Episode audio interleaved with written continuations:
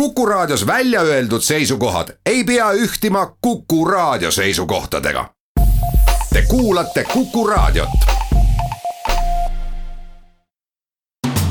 hääletades Euroopasse. saadet toetab Euroopa Parlamendi Eesti büroo eetris on saade Hääletades Euroopasse, stuudios Annika Õnnap ja minuga koos siin Mati Maasikas, Välisministeeriumi Euroopa küsimuste asekantsler, tere tulemast! tere, aitäh! Me räägime täna migratsioonist, migrantidest Euroopas ja, ja ka Eestis. ukse ees on Euroopa Parlamendi valimised ja, ja paljudki valijad ootavad uutelt äh, kandidaatidelt ka tundlike teemade lahkamist ja migratsioon, ebaseaduslik ränne, piiride kaitse on üks nendest teemadest kindlasti.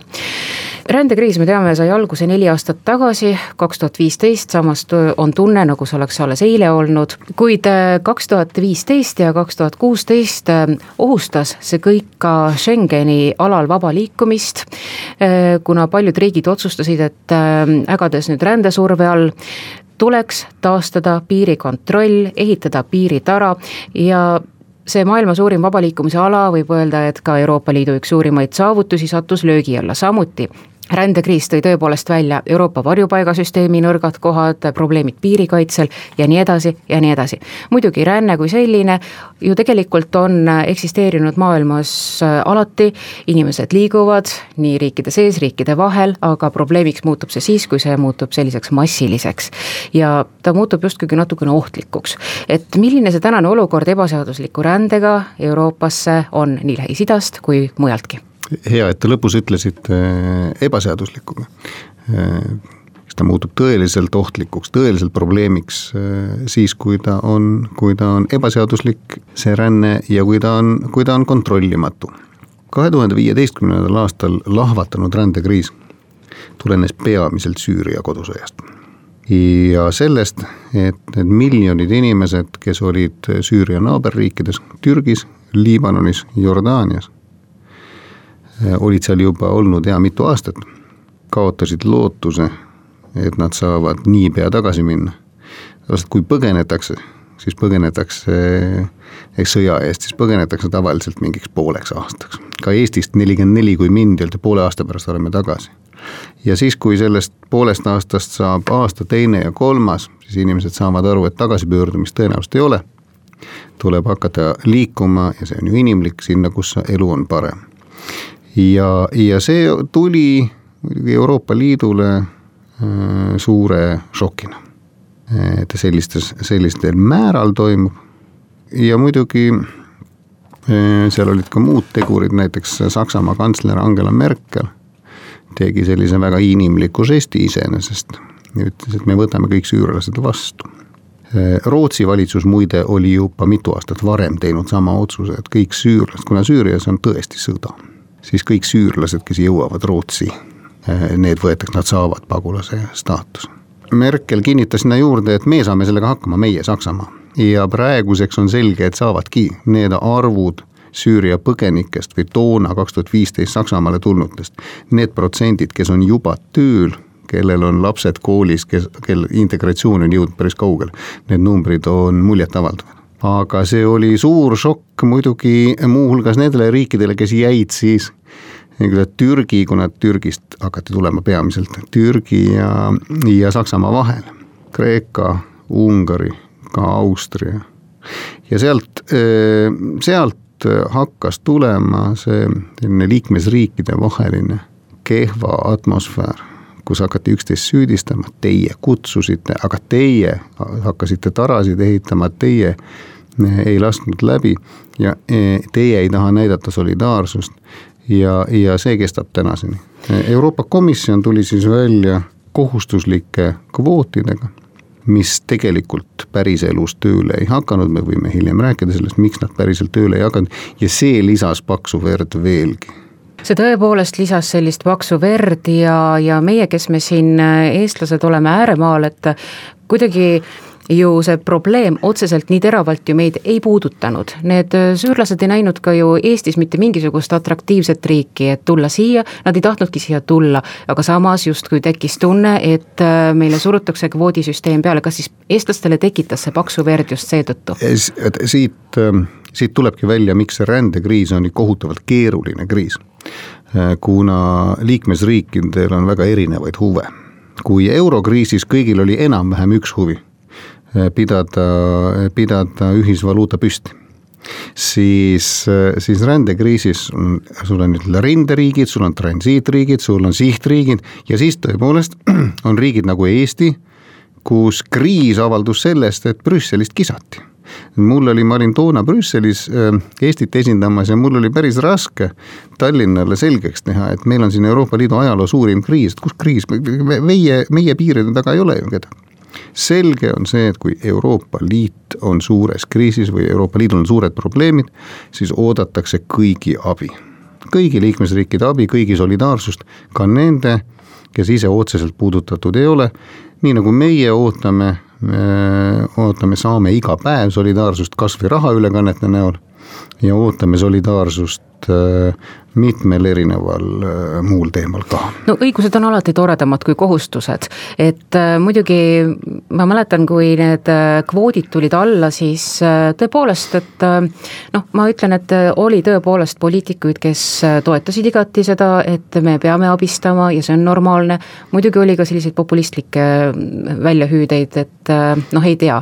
ja, ja eks siis ju toona ka rahvas muutus natukene skisofreeniliseks selles küsimuses, kuidas täna selle skisofreeniaga on?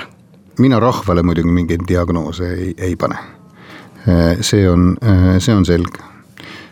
ja, ja Eesti kvoodiks, Eesti muide oli ju toona sellega nõus. Eesti hääletas nõukogus poolt. Eesti kvoodiks kujunes, kui mu mälu ei peta, mis umbes viissada kakskümmend üheksa pagulast, mis, mida liiga suureks arvuks pidada ei saa aga siin selle kohustuslike kvootidega on, siin on kaks probleemi. Üks on see, et äh, see läheb nagu äh, suveräänse riigi äh, kõige sellise pühama õiguse vastu. See iga suveräänse riigi valitsusel on õigus otsustada, kes tema territooriumile tuleb ja kes siin püsib, et see on, see on nagu selles mõttes üsna küsitav. ja teine asi, mis, mis on tegelikult reaalses elus palju olulisem, on see praktiline pool tegelikult nagu te ka viitasite, ega, ega nad ei ole tahtnud siia tulla, ega need Süüria, Süüria pagulased, äh, kui neilt küsida, kust, kuhu te tahate minna, Saksamaa, Rootsi, enam-vähem kõik. Eesti siseministeerium pärast esimest, pärast esimest ehmatust hakkas väga süstemaatiliselt ja, ja efektiivselt tööle, asus ise välja valima neid inimesi, kes meie kvoodi alla käisid Äh, asus tegema nendega intervjuusid juba pagulaslaagrites, äh, andis, andis neile kohe pagulasstaatuse, mis tähendas siis seda, et need inimesed võidi kohe paigutada omavalitsustesse laiali, mitte viia neid kuskile pagulaskeskusesse Eestis koos, koos omade probleemidega. ja nii ongi, nii ongi äh, juhtunud, et meie nendest kvoodi alusel võetud pagulastest, me võtsime üle natuke üle neljakümne protsendi oma kvoodist lõpuks. Äh, on, äh, on võrdlemisi, ütleme see protsent, kes on Eestisse jäänud on võrdlemisi suur. kui palju täpselt neid on, kas? viiskümmend umbes, mhm. viiskümmend, viiskümmend protsenti, ühel hetkel oli Lätist näiteks Läti ei teinud seda, et oleks, nad oleks andnud kohe pagulasstaatuse, lätlased viisid nad kõigepealt pagulaskeskustesse. ja, ja ühel hetkel Lätis oli üheksakümmend protsenti ainult nad lähevad sinna, kus on muidugi, kus on sotsiaaltoetused suuremad, aga nad lähevad ka sinna, kus on, kus on loomulikult äh, juba kogukond ees. kuna nüüd juba esimene saatepool hakkab meil lõppema, siis me peame hetkel tegema ühe väikese pausi, et kuulata ära reklaam ja pärast reklaami oleme kohe tagasi hääletades Euroopasse. Saadet toetab Euroopa Parlamendi Eesti büroo oleme eetris tagasi, hääletades Euroopasse stuudios on Annika Õunap ja Mati Maasikas, Välisministeeriumi Euroopa küsimuste asekantsler. me räägime täna migratsioonist ja migrantidest Euroopas ja ka Eestis. nüüd äh, saate esimeses pooles äh, vihjasite sellele, et äh, kvoodid kui sellised ei ole hästi tööle läinud, erinevatel põhjustel. kuidas siis on, et kvoodid ei ole seepärast just tööle läinud, et nad on justkui nagu risti vastu suveräänsete riikide põhiõigusele nii, nii suveräänsused kui, kui siis need praktilised küsimused, millest me, millest me ennist rääkisime. aga siin on nüüd üks aga. on jube lihtne öelda, et kuulge, see teie kvoodi asi tööle ei hakanud. mõelge midagi paremat veel. samal ajal see, mida te alguses ütlesite, kahe tuhande viieteistkümnenda aasta rändekriis tõi sisepiiride taastamise, piirikontrollide taastamise Schengeni sisepiiridel. Ta tegelikult, äh, need piirikontrollid on praeguseni olemas. Äh, Schengeni süsteem täielikult ei funktsioneeri, Rootsi ja Taani vahel on piirikontrollid, Taani ja Saksamaa vahel on piirikontrollid näiteks. ja, ja need riigid ei ole teinud mingit saladust selleks, sellest, et, et Schengeni täieliku taastamise eeldus on see, et Euroopa ühtset varjupaigasüsteemi reformitakse. Euroopa ühtse varjupaigasüsteemi üheks osaks on ka see, et kuidas sarnase kriisiolukorras, kuidas seda koormat siis omavahel jaotatakse ja need arutelud ei ole, ei ole kolme aasta jooksul jõudnud õieti, õieti mitte kuskile. miks nad ei ole jõudnud? täpselt sellepärast, et äh, väga kahetsusväärsel kombel ühtse asüülisüsteemi reform koosneb seitsmest erinevast õigusaktist, millest viiega ollakse täiesti ühel pool kõik valitseb hea konsensus ja, ja kuuendaga on ka enam-vähem okei okay.. seitsmendaga mis just sisaldab seda kriisimehhanismi. selle üle ei ole mingit konsensust ja, ja ülejäänud eelnõud on samuti võetud siin pantvangi. samal ajal kõik teavad ja ka, ka need, kes on raevukalt vastu, isegi noh, mis siin salata, eks näiteks Ungari valitsus sõna ränne üldse ei taha kuskil näha. Äh, isegi ka, ka need valitsused, kõik liikmesriigid on, on üksmeelsed selles, et Euroopa Liidu välispiiride kaitset tuleb tugevdada ja seda on kõvasti tugevdatud. Euroopa Liidu ühtset välispoliitikat rände lähteriikidega tuleb tugevdada ja seda on kõvasti tehtud. et mõnes mõttes on, on kahetsusväärne, et ühe, tegelikult ühe kriisimehhanismi taha on jäänud ja kuna sellest ju kogu aeg räägitakse ja see on väga, see noh, tundub, et tundub, et midagi eriti ei ole tehtud. tehtud on kole palju, tehtud on koos ja peamegi koos tegema, sest see on, ränne on nii suur, on nii suur teema, et seda, sellega saab ainult Euroopa Liit koos tegeleda. ja ometi teile ka tundub, et noh, siin, seal ikka, see on nagu mingid jamad, ka mingid probleemid ikka ei ole saadud päris lahendada. see on tegelikult üks element, üks asi, et mis saab, kuidas jagatakse koormat siis, kui toimub mingi kahe tuhande viieteistkümnenda aastale sarnaneva mastaabiga äh, sisseränne kui valmis on täna Euroopa Liit näiteks tõepoolest samasuguse kriisiga toime tulema, et mida siin vahepealse ajaga on siiski konkreetselt ette võetud? piirikaitseagentuuri Frontexit on oluliselt tugevdatud kaasa arvatud nende võimalust, äh, nende võimalust äh, sekkuda piiril, kui vaja. Euroopa Liidu välispoliitika on oluliselt tugevnenud. Äh, ei ole mingi saladus, et selle rändekriisi akuutse faasi seni lõpetas ju lepe Türgiga, millega, millega siis Türgi ei lase neid enam läbi Türgi kannab ise vastutust või koormat rohkem kui kolme miljoni süürlase eest, kes on Türki, kes on Türki tulnud. Ja see on väga raske koorem ja me oleme Türgile väga tänulikud, et nad, et nad seda teevad. Euroopa Liit, Euroopa Liit maksab Türgile miljardeid aga muidugi ega Türgi ei ole ka ise huvitatud, et, et ta oleks illegaalse immigratsiooni transiitmaa.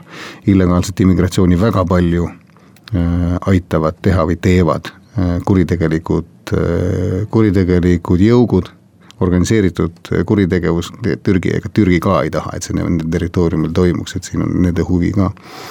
aga on töötatud isegi selle väga õnnetus olukorras oleva Liibüaga ja loomulikult ka kaugemate riikidega. et Euroopa Liidu välispoliitika on oluliselt oma fookust, äh, oma fookust teravdanud selles keerulises olukorras. kui palju on aga Eesti konkreetselt saanud äh, kaasa rääkida Euroopa tasemel ähm, rändekriisi küsimustes, migratsioonipoliitika kujunemises, kas või siis läbi ka Euroopa Parlamendi töö? mitte ühtegi otsust Euroopa Liidus ei võeta vastu ilma Eestita. Eesti on kogu aeg laua taga, Eesti on, Eesti on konstruktiivne liikmesriik. Me ei tule kunagi koosolekusaali öeldes, et äh, see ei lähe mitte, unustage ära sest nii, nii, nii sind lihtsalt jäetakse aruteludest välja või sa jätad ennast ise aruteludest välja. me osaleme nendes aruteludes, muuhulgas eriti oli meil ju vastutus kaks aastat tagasi, poolteist aastat tagasi meie eesistumise ajal. aga loomulikult on siin väga oluline roll ka Euroopa Parlamendil. ma mainisin enne seitset õigusakti. Euroopa Parlament on kaasseadusandja. ilma Euroopa Parlamendi heakskiiduta õigusaktid ei jõustu ja Euroopa Parlamendis on Eesti saadikud töötanud ja saavad Eesti saadikud töötada väga konkreetselt nende, nende õigusaktidega nüüd, kuna ukse ees on äh, Euroopa Parlamendi valimised, siis äh, mis te oskate öelda, et millised on näiteks äh, inimeste ootused poliitikategijatele migratsiooni küsimuses? mida võiksid nii-öelda meiega tulevased uued Euroopa Parlamendi saadikud selle teema juures käsitleda ja kuidas käsitleda? on selge, et Euroopa Liit peab pakkuma oma kodanikele turvatunnet. näitavad, see ei ole ainult minu tunnetus, vaid ka näitavad, näitavad mitmed arvamusküsitlused, et et selle turvatundega just selles rände, just sellel rände teemal on alates selle kriisi haripunkti, alates kahe tuhande kuueteistkümnenda aasta kevadest, on läinud tublisti paremaks, et inimesed nagu saavad aru, et Euroopa Liit tõesti tegutseb. hetkel, kus äh, välispoliitikat on tugevdatud piirikaitsepoliitikat on tugevdatud, siis hetkel ongi nende valimiste nüüd kontekstis kõige olulisem see, et kuidas taastada see hea atmosfäär ja kuidas taastada konsensus liikmesriikide, liikmesriikide vahel. Et me saame öelda, noh, euroopaliku tava hulka ei kuulu see, et äh, nõutakse, et keegi tunnistaks oma, oma vead avalikult üles. et siis saaks öelda, siis kõik saaks öelda, et näed, et kuna kuna siin on tehtud vigu, äh, aga nüüd me saame edasi minna. seda, seda ei ole vaja, aga, aga on vaja, et kõik, kõik liikmesriigid saaksid öelda, et lähme nüüd, lähme nüüd koos edasi. me peame selle asja, me peame, noh, ränne on, nagu te alustasite, ränne on, on teema, mis jääb aastakümneteks kindlasti. Ja, ja me peame selleks, me peame rände haldamiseks, me ei soovi siia ebaseaduslikke immigrante. Ükski riik ei soovi, ükski ühendus ei soovi. et seda vältida, selleks me peame väga tõsiselt koos töötama ja selleks peab see koostöö atmosfäär olema taastatud selliste mõtetega tänase saate lõpetame, stuudios olid Annika Õunap ja Mati Maasikas, Välisministeeriumi Euroopa küsimuste asekantsler, aitäh, et kuulasite! hääletades Euroopasse. saadet toetab Euroopa Parlamendi Eesti büroo